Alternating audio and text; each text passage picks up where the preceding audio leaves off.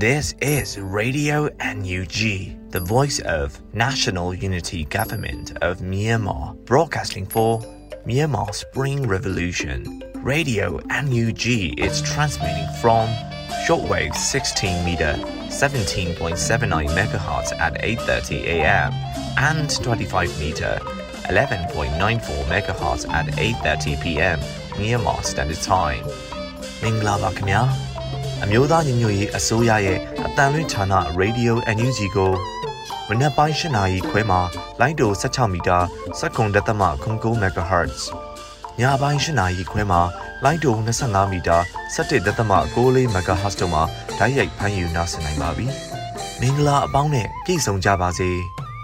အခုချိန်ကစပြီး Radio NUG အစီအစဉ်တွေကိုဓာတ်ရိုက်အတန်မြင့်ပေးနေပါပြီ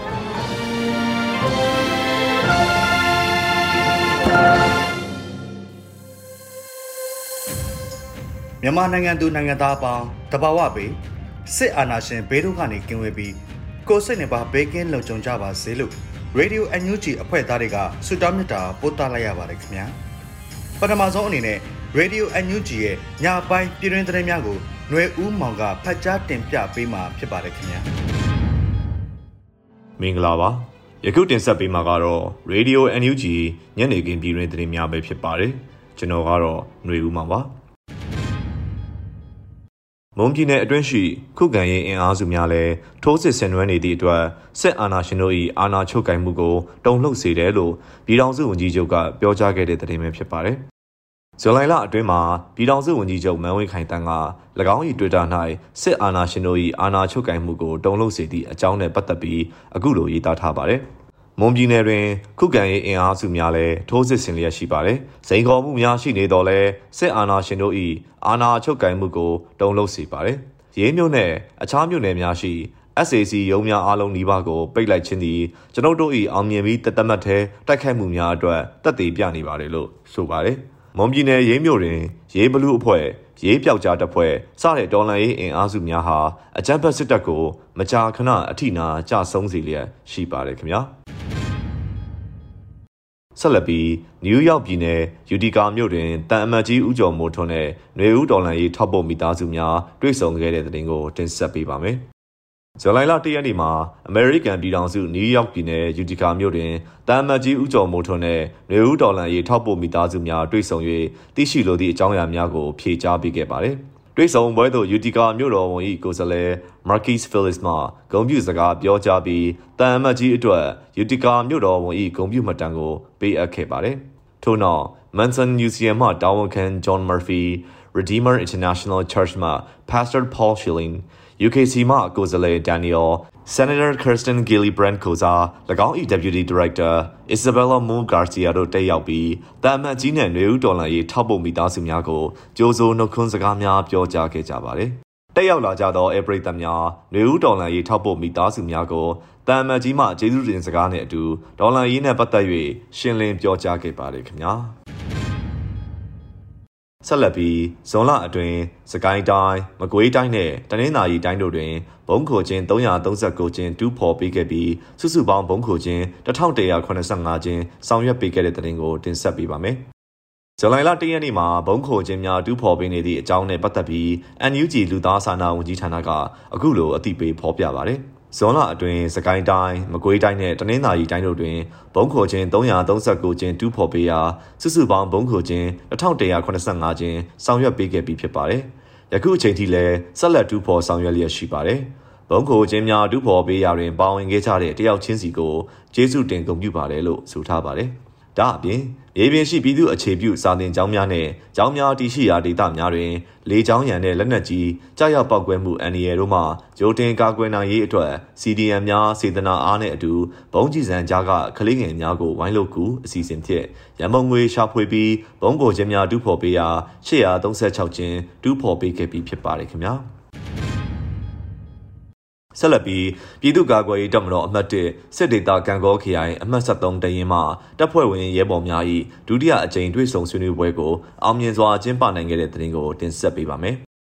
ဇွန်လလ2ရက်နေ့မှာပြည်သူ့ကာကွယ်ရေးတပ်မတော်အမှတ်1စစ်ဒေသကံကောခရိုင်အမှတ်73တရင်မှတပ်ဖွဲ့ဝင်ရဲဘော်များ၏ဒုတိယအကြိမ်တွေ့ဆုံဆွေးနွေးပွဲကိုအောင်မြင်စွာကျင်းပနိုင်ခဲ့တယ်လို့ကံကောခရိုင်အမှတ်73တရင်မှအသိပေးဆိုပါတယ်။ နယ်မြေလုံခြုံရေးအရနေရာအသီးသီးတွင်တာဝန်ထမ်းဆောင်နေကြသောတပ်ဖွဲ့ဝင်ရဲဘော်များ၏ဒုတိယအကြိမ်တွေ့ဆုံဆွေးနွေးပွဲကိုအောင်မြင်စွာကျင်းပနိုင်ခဲ့ပြီဖြစ်ပါတယ်။တပ်ဖွဲ့ဝင်ရဲဘော်များအနေဖြင့်အမှတ်၁စစ်ဒေသဂံကောခရိုင်၏ခရိုင်ကုတ်ကဲမှုအောက်တွင်စနစ်တကျဖွဲ့စည်းပြီးစစ်အာဏာရှင်အမြင့်ဖြတ်ချိန်မုံရေးအတွက်စ조사ဆောင်ရွက်လျက်ရှိပါတယ်။ ပြည်သူများအနေဖြင့်လည်းစစ်အာဏာရှင်အမြင့်ဖြတ်ချိန်မုံနိုင်ရေးအတွက်လူငယ်များ၏ပြင်းပြသောဒေါ်လန်လိုစိတ်ကိုစ조사၍ဖြည့်ဆည်းကူညီပေးကြပါရန်မြစ်တာရက်ခံအပ်ပါတယ်လို့ဂံကောခရိုင်အမှတ်73တရင်ကဆိုထားပါတယ်ခင်ဗျာ။ဆက်လက်ပြီးစကိုင်းတိုင်းဝက်လက်မြို့နယ်ရွှေကျင်ကျေးရွာအရှိတ်ဘက်ကုန်းတွင်စခန်းချ၍တက်ဆွဲနေထိုင်သောစစ်ကောင်စီတပ်သားများအားဒရုန်းဖြင့်ပုံကျဲချခဲ့တဲ့တဲ့တင်ကိုတင်ဆက်ပေးပါမယ်။ ဇွန်လ1ရက်နေ့ည9:15မိနစ်ခန့်အချိန်တွင်စကိုင်းတိုင်းဝက်လက်မြို့နယ်ရွှေကျင်ကျေးရွာအရှိတ်ဘက်ကုန်းတွင်စခန်းချ၍တက်ဆွဲနေထိုင်သောစစ်ကောင်စီတပ်သားများအားဒရုန်းဖြင့်ပုံကျဲချခဲ့ပါသည်။၎င်းတိုက်ခိုက်မှုတွင်စစ်ကောင်စီဘက်က73ဦးနီးကုန်းဆုံး၍အများအပြားဒဏ်ရာရရှိခဲ့ပါတယ်လို့ Eagle Guerrilla Force ကအတီးပြုဆိုပါတယ်စစ်ကောင်စီများဘက်မှစနိုက်ပါဖြင့်ပြန်လည်ပစ်ခတ်ခဲ့၍ဒရုန်းအုံပြု၍ဘုံသီးချတိုက်ခိုက်ခဲ့တယ်လို့ဆိုပါတယ်၎ င်းစစ်ကောင်စီတပ်သားများသည်ဇွန်လ26ရက်နေ့၌စကိုင်းတိုင်းစကိုင်းမြို့နယ်စင့်ကိုင်းကျေးရွာအားစစ်ကြောင်းထိုး၍ပြည်သူတော်လှန်ရေးရဲဘော်14ယောက်အားလူမဆန်စွာတပ်ဖြတ်ခဲ့သည့်စစ်ကြောင်းဖြစ်ပါတယ်။၎င်းတိုက်ခိုက်မှုကို Eagle Guerrilla Force ဘိုးကောက်ရိုးရှေဘုခရိုင်တရင်15ကြောက်စဲခရိုင်တရင်1ငကန်ဒီတရင်ကြောက်စဲခရိုင် drone တပ်ဖွဲ့လေးတရဲ drone တပ်ဖွဲ့စားထောင်မိုးကျုံနဲ့ရွှေဘုခရိုင်တရင်15တပ်ခွဲ3 Eagle ပျောက်ကြားတပ်ဖွဲ့အဖွဲ့တို့ပူးပေါင်းဆောင်ရွက်ခဲ့ပါတယ်ခင်ဗျာ။ နောက်ဆုံးသတင်းအနေနဲ့ကတော့ပဲခူးတိုင်းဒေသကြီးထန်းတပင်မြို့နယ်တရက်တန်းရွာရှိစစ်ကောင်စီအဖွဲ့အားဒရုန်းပုံသီးနှလုံးဖြင့်တွားရောက်တိုက်ခိုက်ခဲ့၍စစ်ကောင်စီ၄ဦးထိခိုက်ဒဏ်ရာရခဲ့တဲ့သတင်းကိုတင်ဆက်ပေးပါမယ်။ဇလိုင်နေရက်နေ့မှာစီးရီးသတင်းကိုအထူးကွန်မန်ဒိုတရင်တောင်ပိုင်းတိုင်းကအခုလိုအသိပေးဆိုပါတယ်။ ပဲခူးတိုင်းဒေသကြီးထန်းတပင်မြို့နယ်တရက်တန်းရွာရှိစစ်ကောင်စီအဖွဲ့အားဒရုန်းဘုံသီးနှလုံးဖြင့်တွားရောက်တက်ခတ်ခဲ့ရာစစ်ကောင်စီ၄ဦးထိခိုက်ခဲ့ပြီးတအူးမှာပြင်းထန်စွာဒဏ်ရာရရှိထားကြောင်းသိရှိရပါတယ်လို့ဆိုပါတယ်။ဇွန်လ22ရက်နေ့ကလည်းဒရုန်းအဖွဲ့နဲ့ပူးပေါင်းအဖွဲ့မှဒရုန်းအဖွဲ့များဖြင့်အုပ်ဖြတ်တရားရှိရန်သူအဆောင်စခန်းများအားဒရုန်းဖြင့်တွားရောက်တိုက်ခိုက်ခဲ့ရာစစ်ကောင်စီနှင့်ရဲနှစ်ဦးသေဆုံးနှစ်ဦးမှာအပြင်းအထန်ဒဏ်ရာရရှိပြီးငါးဦးမှာတာမန်ထိခိုက်ဒဏ်ရာရရှိခဲ့ပါတယ်။ ယခုတင်ပြပေးခဲ့တဲ့သတင်းတွေကို Radio NUG သတင်းတောက်မင်းတီဟန်ကပေးပို့ပေးထားတာဖြစ်ပါတယ်ခင်ဗျာအယက်သားပြည်သူများနှင့်ဆက်ဆံရာတွင် လိုက်နာရမည့်ကျင့်ဝတ်များ၁အယက်သားပြည်သူများအားရိုသေစွာဆက်ဆံရမည်၂အယက်သားပြည်သူများအပေါ်မောက်မာရိုင်းပြခြင်းစော်ကားခြင်းအနိုင်ကျင့်နှိပ်စက်ခြင်းမူးယစ်ရန်ကားခြင်းမပြုရ၃အမျိုးသမီးများ လိန်စိတ်ကွဲပြားသူများအားရုပ်ပိုင်းဆိုင်ရာစိတ်ပိုင်းဆိုင်ရာလိန်ပိုင်းဆိုင်ရာထီပန်းနှောက်ယှက်ခြင်းမပြုရ၄အရေးပေါ်လိုအပ်ချက်အရအယက်သားပြည်သူပိုင်ပစ္စည်းဥစ္စာများကိုအသုံးပြုရပါကကာလတန်ဖိုးအတိုင်းပေးချေရမည်၅အယက်သားများအားတစားကံသို့မဟုတ် လူသားတိုင်းအဖြစ်အသုံးပြုခြင်းမပြုရ၆ကလေးသူငယ်များမတန်ဆွမ်းသူများ အမျိုးသမီးများတကြီးရွယ်အိုများစသည့်ထိရှလွယ်အုပ်စုများ vulnerable groups အားအထူးကာကွယ်စောင့်ရှောက်ပြီးလိုအပ်သည့်အကူအညီများပေးရမည်အမျိုးသမီးများနှင့်ကလေးငယ်များအပေါ်လိုက်နာရမည်ကျင့်ဝတ်များ၁အမျိုးသမီးများအားကာယင်ဒရီပျက်စီးစေခြင်းအဆက်ခွဲခြင်းယုံညံ့စေခြင်းလိမ်မိုင်းဆိုင်ရာခေါင်းပုံဖြတ်အမျက်ထုတ်ခြင်းအကြမ်းဖက်ခြင်းမပြုလုပ်ရ၂ အရွယ်မရောက်သေးသောကလေးများအားလိမ်ပိုင်းဆိုင်ရာ ထိတွေ့ဆက်ဆံခြင်းအကြမ်းဖက်ခြင်းမပြုလုပ်ရပြည်တွင်းသတင်းတွေကိုနားဆင်ခဲ့ကြရတာပါခင်ဗျာအခုဆက်လက်ပြီး KNDF ရဲ့ official fundraising page ဖြစ်တဲ့ကရင်နီအိမ်မက် Facebook page ကိုပြည်သူများနဲ့မိတ်ဆက်ပေးရင်ဆက်လက်ပံ့ပိုးကူညီကြဖို့ KNDF ဥက္ကဋ္ဌခုံးပီ2ရဲ့မြစ်တာရက်ခံပန်ကြားချက်ကိုနားဆင်ကြရပါမယ်ခင်ဗျာ အားလုံးမင်္ဂလာပါဒီနေ့ဒီချိန်မှာတော့ Green PSCA ချန်နယ်တော်များကိုမီဒီယာတွေရောအာကျွန်တော်တို့ရဲ့ပတ်ဖို့ကူညီသူတွေရောပေါ့နော်ဟိုတိလို့တဲ့တင်ချက်လက်တွေအများရှိပါတယ်အာမီဒီယာပေါ်မှာပြောတဲ့အခြေအနေတွေတချို့ပေါ့နော်မှန်ကန်ပြီးမှတချို့ကလည်း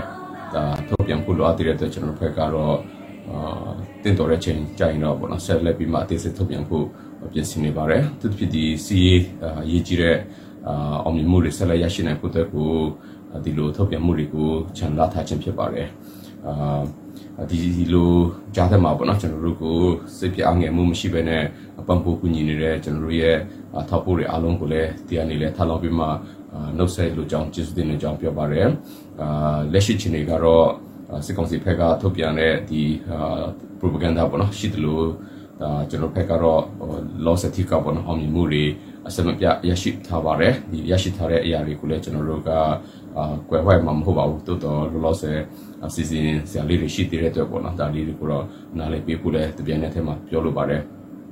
အရေးကြီးဆုံးကအခုချိန်မှာတော့ကျွန်တော်တို့ရဲ့ဒီထောက်ပို့ကူညီမှုတွေကိုလည်းဆက်ပြဆက်လက်ပြီးမှပံ့ပိုးစေလိုပါတယ် KNDF ရဲ့ဒီ point fight campaign project ကိုပေါ့နော်ဒါကျွန်တော်တို့ အောင်မြင်စွာပြီးဆုံးသွားပါပြီကျွန်တော်တို့ရဲ့အရေးကြီးတဲ့အချက်ချက်ကတော့ကျွန်တော်တို့ရဲ့ perfect campaign project ဟို Facebook page ကိုပေါ့နော်ကျွန်တော်တို့ KNDF ရဲ့ fundraising page ဖြစ်ပေါ်နော်ဆက်ပြီးမှ အာဒီဆောက်တော့ပါမှာဖြစ်ပါတယ်အခုဆိုရင်ဒီ page ကနေပြီးမှပေါ့နော်ကျွန်တော်တို့အမြဲတမ်းဆက်သွယ်လုပ်ပြီးမှ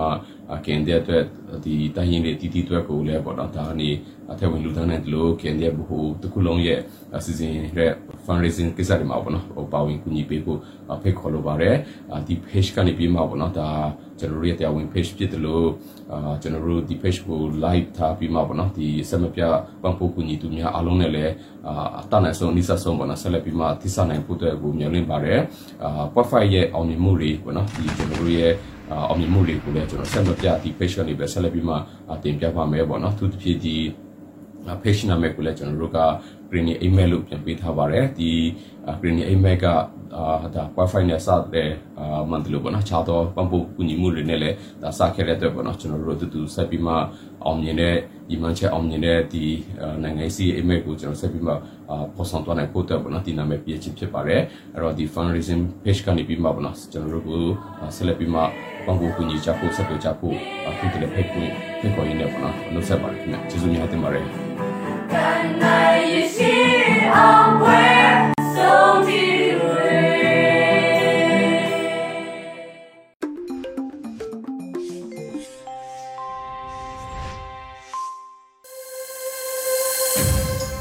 တောတာရှင်များခင်ဗျာအခုဆက်လက်ပြီးတော်လန်ရေးကြပြအစီအစဉ်မှာတော့ဆရာကိုအောင်မိုင်းရေးဖွဲ့ထားတဲ့ရဲကြပါလူငယ်တိုးလို့အမိရတဲ့တော်လန်ရေးကြပြကိုကျွန်တော်ຫນွေဦးမိုးကရုပ်ဖတ်တင်ဆက်ပေးထားပါတယ်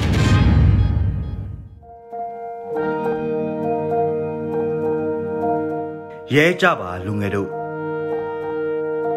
ရဲကြပါလူငယ်တို့ငါကြပြတွေမီးတောက်နေတယ်လို့ငါချစ်သူတွေလဲတယောက်ပြီးတယောက်နှုတ်ဆက်နေအပူဟာရင်အပူကိုနစ်နစ်နဲနဲမီးပြင်းပြင်းထိုးတကြိုနေတယ်ကင်ပတ်ဆာဟောင်းမှာပကြီးစရာဟောင်းတယောက်သူဆွဲခဲ့တဲ့ငါပုံဟောင်းတစ်ခုကကဘာကျော်စီမှာမဟုတ်ပေမဲ့ငါတမိုင်းကိုတော့ပြောပြလိမ့်မယ် ငါဟာတကယ့်ကိုအုံမင်းသွားခဲ့ပေမဲ့အတွေးခေါ်တဲ့တွေအတွက်ငါကြပြတွေကရဲစေးတင်ပေးလိမ့်မယ်လူငယ်တွေကိုမလိမ်ပါနဲ့သူတို့ကိုလည်းမလိမ်ခိုင်းပါနဲ့လူငယ်ဆိုတာပြည်သူဖြစ်တယ်လို့တိုင်းပြည်ရဲ့အနာဂတ်လည်းဖြစ်တယ်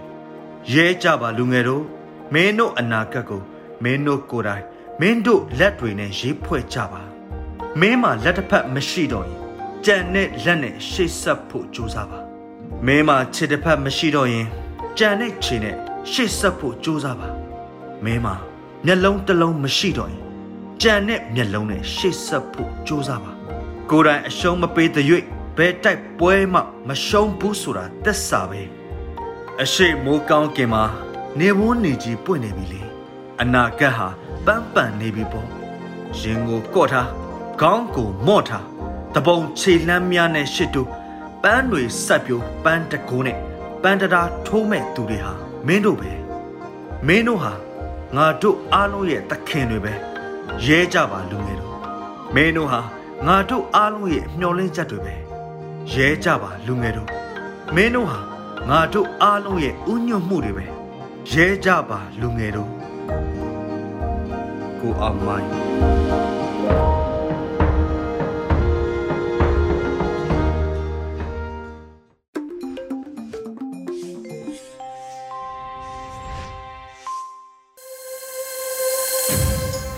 ရေဒီယိုအန်ယူဂျီမှာဆက်လက်အသံလွှင့်နေပါတယ်ခင်ဗျာအခုတခါ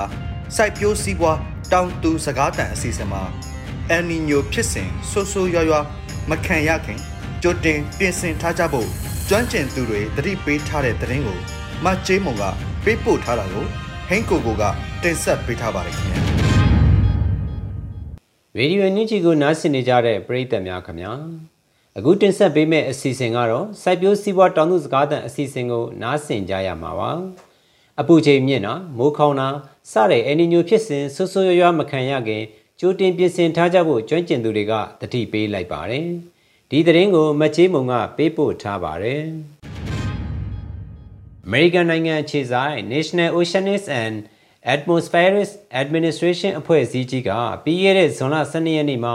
အယ်နီညိုစဖြစ်ပြီလို့ကြေညာခဲ့ပါတယ်။ပစိဖိတ်သမုဒ္ဒရာအလဲကအီကွေတာတစ်ဖက်တစ်ချက်မှာရှိတဲ့အရှေ့မြောက်နဲ့အရှေ့တောင်ကုန်းတဲ့လေစီးကြောင်းအားလျော့လာလို့အယ်နီညိုဖြစ်ရတယ်လို့ကျွမ်းကျင်သူတွေကပြောပါတယ်။မြန်မာနိုင်ငံအတွက်လာမယ့်လတွေအတွင်းအားကောင်းတဲ့အယ်နီညိုဖြစ်မလာခင်တောက်သုံးရည်ပြက်လက်တာတွေစိုက်ပျိုးရည်ပြက်လက်တာတွေမဖြစ်ရအောင်ကျွမ်းကျင်သူတွေကအခုလိုပြောဆိုလိုက်တာပါ။မိုးခေါင်မယ်အဲရေရှားလာနိုင်တယ်ဆိုတော့ အခုဒီနှစ်2023ထဲမှာရတဲ့ဒီအရင်အမြစ်ဒီရာတွေကိုစုဆောင်းပြီးတော့ဒါရှေ့နှစ်နွေရာသီအာပူပြင်းလာမဲ့အခြေအနေမိုးနှဲလာမဲ့အခြေအနေမှာရေရှားပါတဲ့ပြဿနာအဲ့ဒီပြဿနာအရင်ဆုံးစတွေ့မှာစတွေ့မှာဆိုတော့အဲ့ဒီအတွက်ကိုအရင်ဆုံးအာကြိုတင်ပြင်ဆင်ထားဖို့ကတော့အဓိကတော့ရေစုတာနောက်တစ်ခုကဒီအာမြေအောက်ရေတူးတာစ သဖြင့်ပေါ့နော်ရေစုဆောင်းဖို့အတွက်ကိုနီးလန်းနေရှာပြီးတော့ဒါတွေကတော့လုတ်ပြင်းနေဒီအချိန်မှာစပြီးတော့လုတ်ထားလို့ရှိရင်မိုးရင်းလည်းဖြစ်မှာပေါ့နော်အာမိုးရင်းလည်းဖြစ်မယ်အဲမိုးအကုန်ထောင်းအခုလောက်မှာစပြီးတော့ရှစ်နှစ်2024အတွက်ရေအရင်အမြစ်ကိုခုတွေကရှာပြီးတော့ဒါရေရှားပါမဲ့ပြဿနာအတွက်ကိုကြိုတင်ပြီးတော့အာပြင်ဆင်ထားတင်ပြီဒါကတော့အရင်ဆုံးအချက်အချက်ပေါ့အာဒုတိယတစ်ချက်ကအာကျွန်တော်တို့စီမှာ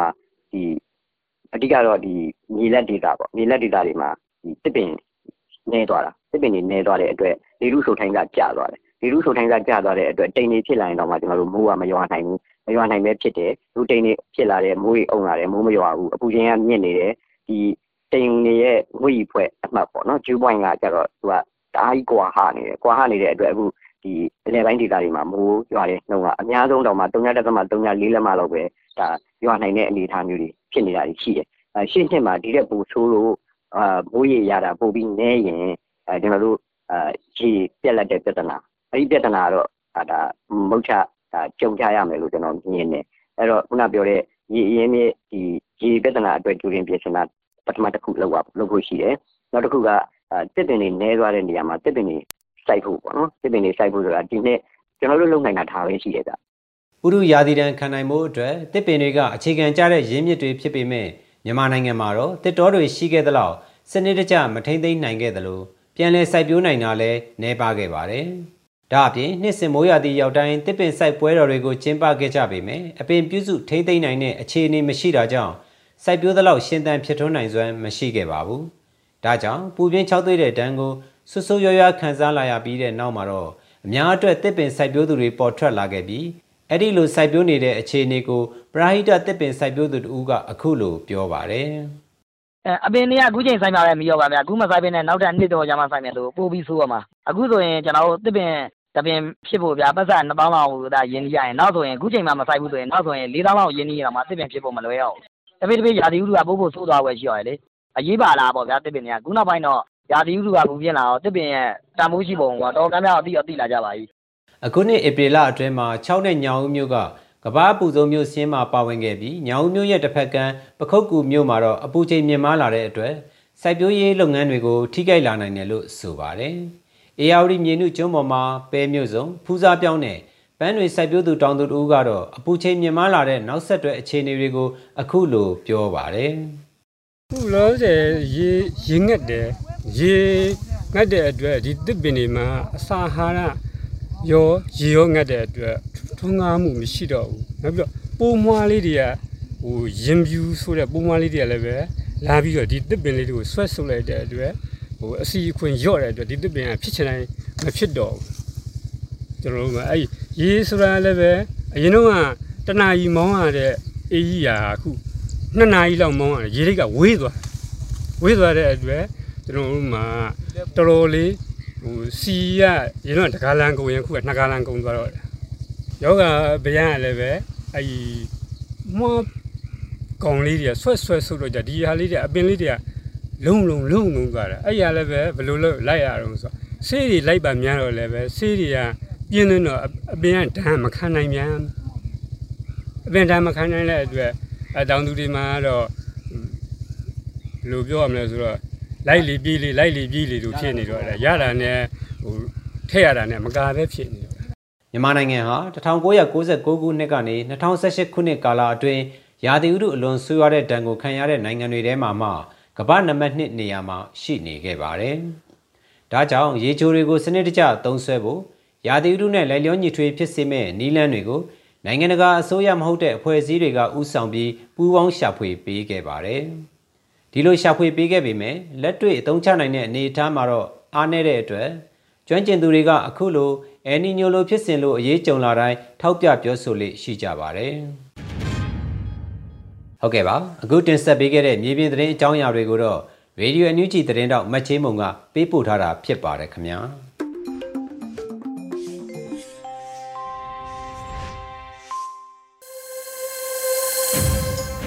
တောတာရှင်များခင်ဗျာအခုနောက်ဆုံးအနေနဲ့ဆီယာမမတ်တီတာစန်းချောင်းရဲ့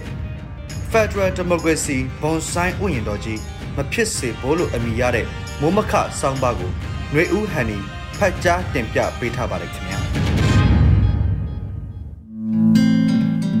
မတီတာစမ်းကြောင်းရဲ့ Federal Democracy ဘွန်ဆိုင်ဥယျာဉ်တော်ကြီးမဖြစ်စေဖို့ဆိုတဲ့စောင်းပါးလေးကိုတင်ဆက်ပေးကြပါရရှင်။ဘွန်ဆိုင်ပင်တွေအကြောင်းတေချာမသိပါဘူး။အများအားဖြင့်အရိပ်ရအပင်ကြီးတွေကို အလှဆိုင်ပန်းအိုးလေးတွေထည့်ဆိုင်ထားနိုင်အောင် အစာရည်စာအလင်းအာဟာရတွေကိုချိန်ဆဖြတ်တောက်ပြီး ပြုပြင်ထားတဲ့ဂျပန်ပန်းအလှဆိုင်နည်းပညာလိုပဲနားလည်ပါတယ်။အလှသဘောတရားရတိတ်လှပါတယ်။အနှစ်သာရအရကြည့်ရင်တော့နည်းနည်းမျက်စိလေးစရာပေါ့။အရေးရအပင်ကြီးတွေရဲ့အနှစ်သာရဟာ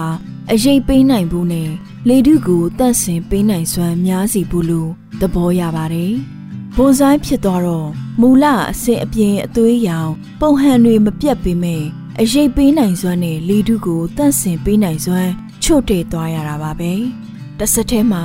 နှွေဦးတော်လန်ရေးဟာလည်း Federal Democracy ဘွန်ဆိုင်ကိုများပြိုးထောင်မိလေမလားလို့တွေးမိပြီးပူပန်စပြုပါတယ်။ပန်းနိုင်ကိုတေချာစိတ်ကူးရင်ပြီးပုံဖော်တာဟာတော်လန်ရေးတိုင်းအတွက်လိုအပ်ပါတယ်။ဒါပေမဲ့လမ်းခရီးနဲ့နီးလန်းတွေဟာပန်းနိုင်တဲ့ထပ်တူအရေးပါတာကိုဂရုစိုက်ကြဖို့လဲလိုပါတယ်။အိမ်မက်ပန်းနိုင်တွေကကြီးမားခန္ဓာလွန်ပြီး အဲ့ဒီကိုသွားဖို့လမ်းခရီးနဲ့နီးလန်းတွေကိုတေချာချိန်ဆပြင်ဆင်တာမျိုးမရှိခဲ့ရင်ကို့အိမ်မက်ကိုရိုင်းကကို့တော်လှန်ရေးကိုနှောင့်နှေးကြံ့ကြာမှစိုးရင်ရပါတယ်။ဒါမှမဟုတ်လိုအပ်တဲ့ရေကန်မြေကန်အစာရေစာအလင်းအာဟာရတွေလုံလုံလောက်လောက်မရနိုင်သေးတာကိုသိနေပေမဲ့အိမ်မက်ပန်းနိုင်အပင်ကြီးကကို့မျက်စီတွေကမထွက်နိုင်လွန်းလို့မဖြစ်ဖြစ်တဲ့နီးနဲ့ဒီအပင်မျိုးကိုပဲ မရမကရတယ်လို့စိုက်လိုက်တော့မယ်လို့ဆုံးဖြတ်ကြရင်တော့အရေးရပင်ကြီးအစာအလှဆိုင်ပန်းအိုးလေးတဲကဘွန်ဆိုင်ပင်လေးပဲရပြီးလမ်းဆုံးသွားမှာကိုစိုးရိမ်မိပါတယ်။ Federal Democracy အိမ်မက်အပင်ကြီးကိုဆွေးနွေးညှင်းခုန်ကြပို့ကြပြင်ဆင်ကြနဲ့တော်လန်ရေးတလျှောက်မမောမပန်းအာသွန်ခွန်ဆိုင်လုပ်နေကြတာဟာအားရစရာကောင်းလာပါတယ်။ Federal Unit အတွက်ပြင်ဆင်ကြတဲ့အခါ လူမျိုးအခြေခံပြီးပြင်ဆင်ကြသလိုနေမြေပိုင်ဆိုးမှုကိုလည်းအားပြုပြီးလဲခရင်ရောက်နှင်ပြီးမရောက်တယောက်ဖြစ်နေပြီးဆိုတာမျိုးတွေးတောညင်းခုန်ကြပါတယ်။မြေပြင်ကစီရေးဥဆောင်နိုင်သူနဲ့လွတ်မြောက်ရာအရက်ကပံပိုးနိုင်သူတွေရဲ့အခန်းကဏ္ဍဟာ Digital Ground လို့ဆိုရမယ်ပုံရိပ်ရောင်ကဘာမြေကြီးမှာကြီးကျယ်ခမ်းနားလွန်လာပါတယ်။ ပုံရိပ်စစ်ကဘာတဲက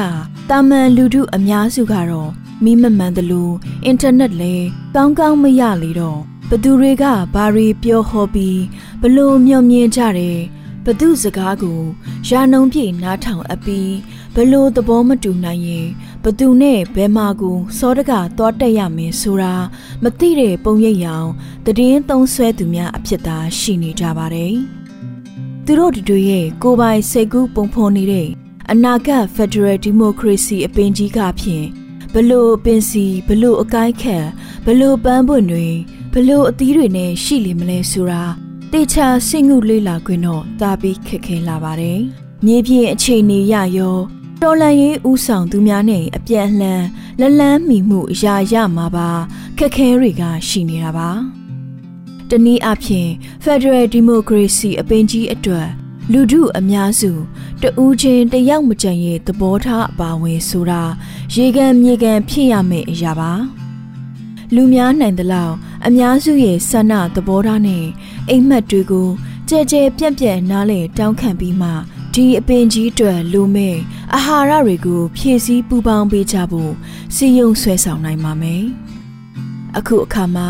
တဖွဲပြီးတဖွဲတယောက်ပြီးတယောက်တစုပြီးတစုပေါ်လာသမျှတွေကသူတို့တိတက်နားလေခံယူထားတဲ့အတိုင်းအပင်ကြီးကို ပုံဖော်ပြပြီးအဲ့ဒီအတိုင်းဖြစ်အောင်လုပ်ကြရမယ်လို့ဆိုလာကြပါတယ်ဒီမာတွေမကပဲအဲ့ဒီအတိုင်းဖြစ်အောင်မလုပ်လူသူတွေရှိနေကြောင်းဒါမှမဟုတ်မလုပ်တတ်သူတွေကပါနေကြောင်းစတဲ့အချင်းချင်းတထောင်တွက်ချက်တွေကလည်းတဖြောင်ဖြောင်ပြင်းထန်လာပါတယ် ဒါအပြင်လန်ခီဘလောက်ကြာကြာအရေးမကြီးဘူးဒီပန်းနိုင်အပင်ကြီးရဲ့ဒီဇိုင်းကတော့နင်းနေမှလွဲလို့မဖြစ်ဘူးစိတ်တိုင်းကြအပင်ရုံမပေါက်ရင်တော့မရဘူးဖြစ်တဲ့နီးနဲ့ဒီအပင်သာရအောင်လုပ်ကြရမယ်မြေကြီးပေါ်ချမဆိုင်နိုင်လဲပန်းအိုးလေးတဲ့စိုက်တာစိုက်အရေးကြီးတာအပင်ရုပ်ပေါက်ဖို့ပဲဆိုတာမျိုးတွန်းတွန်းထွတ်ထွတ်ဆိုလာကြသလိုပါပဲဒီတော့ အပင်ပေါက်လာရင်အရိတ်တွေရအပွင့်နေပွင့်အသီးတွေတီးမဟဲလို့နားလေသူတွေနဲ့ယုံကြည်သူတွေကအတန်အသင့်ကတော့ရေကန်မြေကန်ကောင်းတွေအဖြစ်ပံ့ပိုးကြတာပေါ့ကျန်တဲ့လန်လန်မမီတဲ့လူတူးနဲ့တော်လှန်ရေးနဲ့ဝင်းနေသူများကတော့ပန်းအိုးအပြင်မြေကြီးတွေလိုအပင်ကိုလိုလားသလောက်မြေစီလွာအဖြစ်မပါဝင်နိုင်မဲကြံရစ်နေခဲ့သေးတာပါပဲ ဒါအပြင်တချို့ကပေါင်းတင်ပိုးရှင်းအလုပ်ကိုအားဆိုင်သလောက်တချို့ကတော့အပင်ပုံပို့ဖို့ကပိုအရေးကြီးသလိုရှုမြင်ကြပြန်လေယာမှာပိုးမကင်းတဲ့မြေစီမှာလဲအပင်ကမဆိုင်နိုင်မှုအလျင်ဦးရတဲ့ပန်းအိုးတွေကိုပဲကို့အိမ်မက်အပင်ကိုထိုးထည့်ကြပေါ့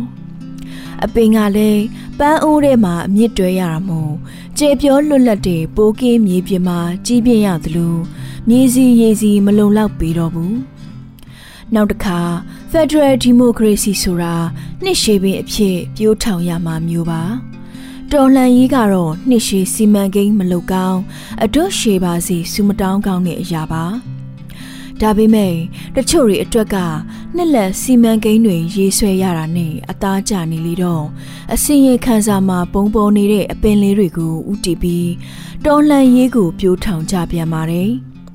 တကယ်တော့ Federal Democracy ပြိုးထောင်ရေးကိုလုပ်နေကြသူတွေလည်းရှိပါတယ်။တေချာအမြင့်တွေအောင်လုံးရမှာမို့အပင်ပုံပေါ်ဖို့ထက်အမြင့်တွေဖို့လုပ်ရတော့သူတို့ကိုအပင်ဆိုင်နေသူတွေလို့တောင်မမြင်တတ်ကြပါဘူး။အပင်ပုံလေးအယုတ်ရေးပြပြီးအမြင့်ကိုမြေကြီးထက်ပန်းအုပ်ကလေးတဲ့ဥအောင်ထိုးထဲပြနိုင်သူတွေကတော့အများကြီးပဲရဲ့။ထားပါတော့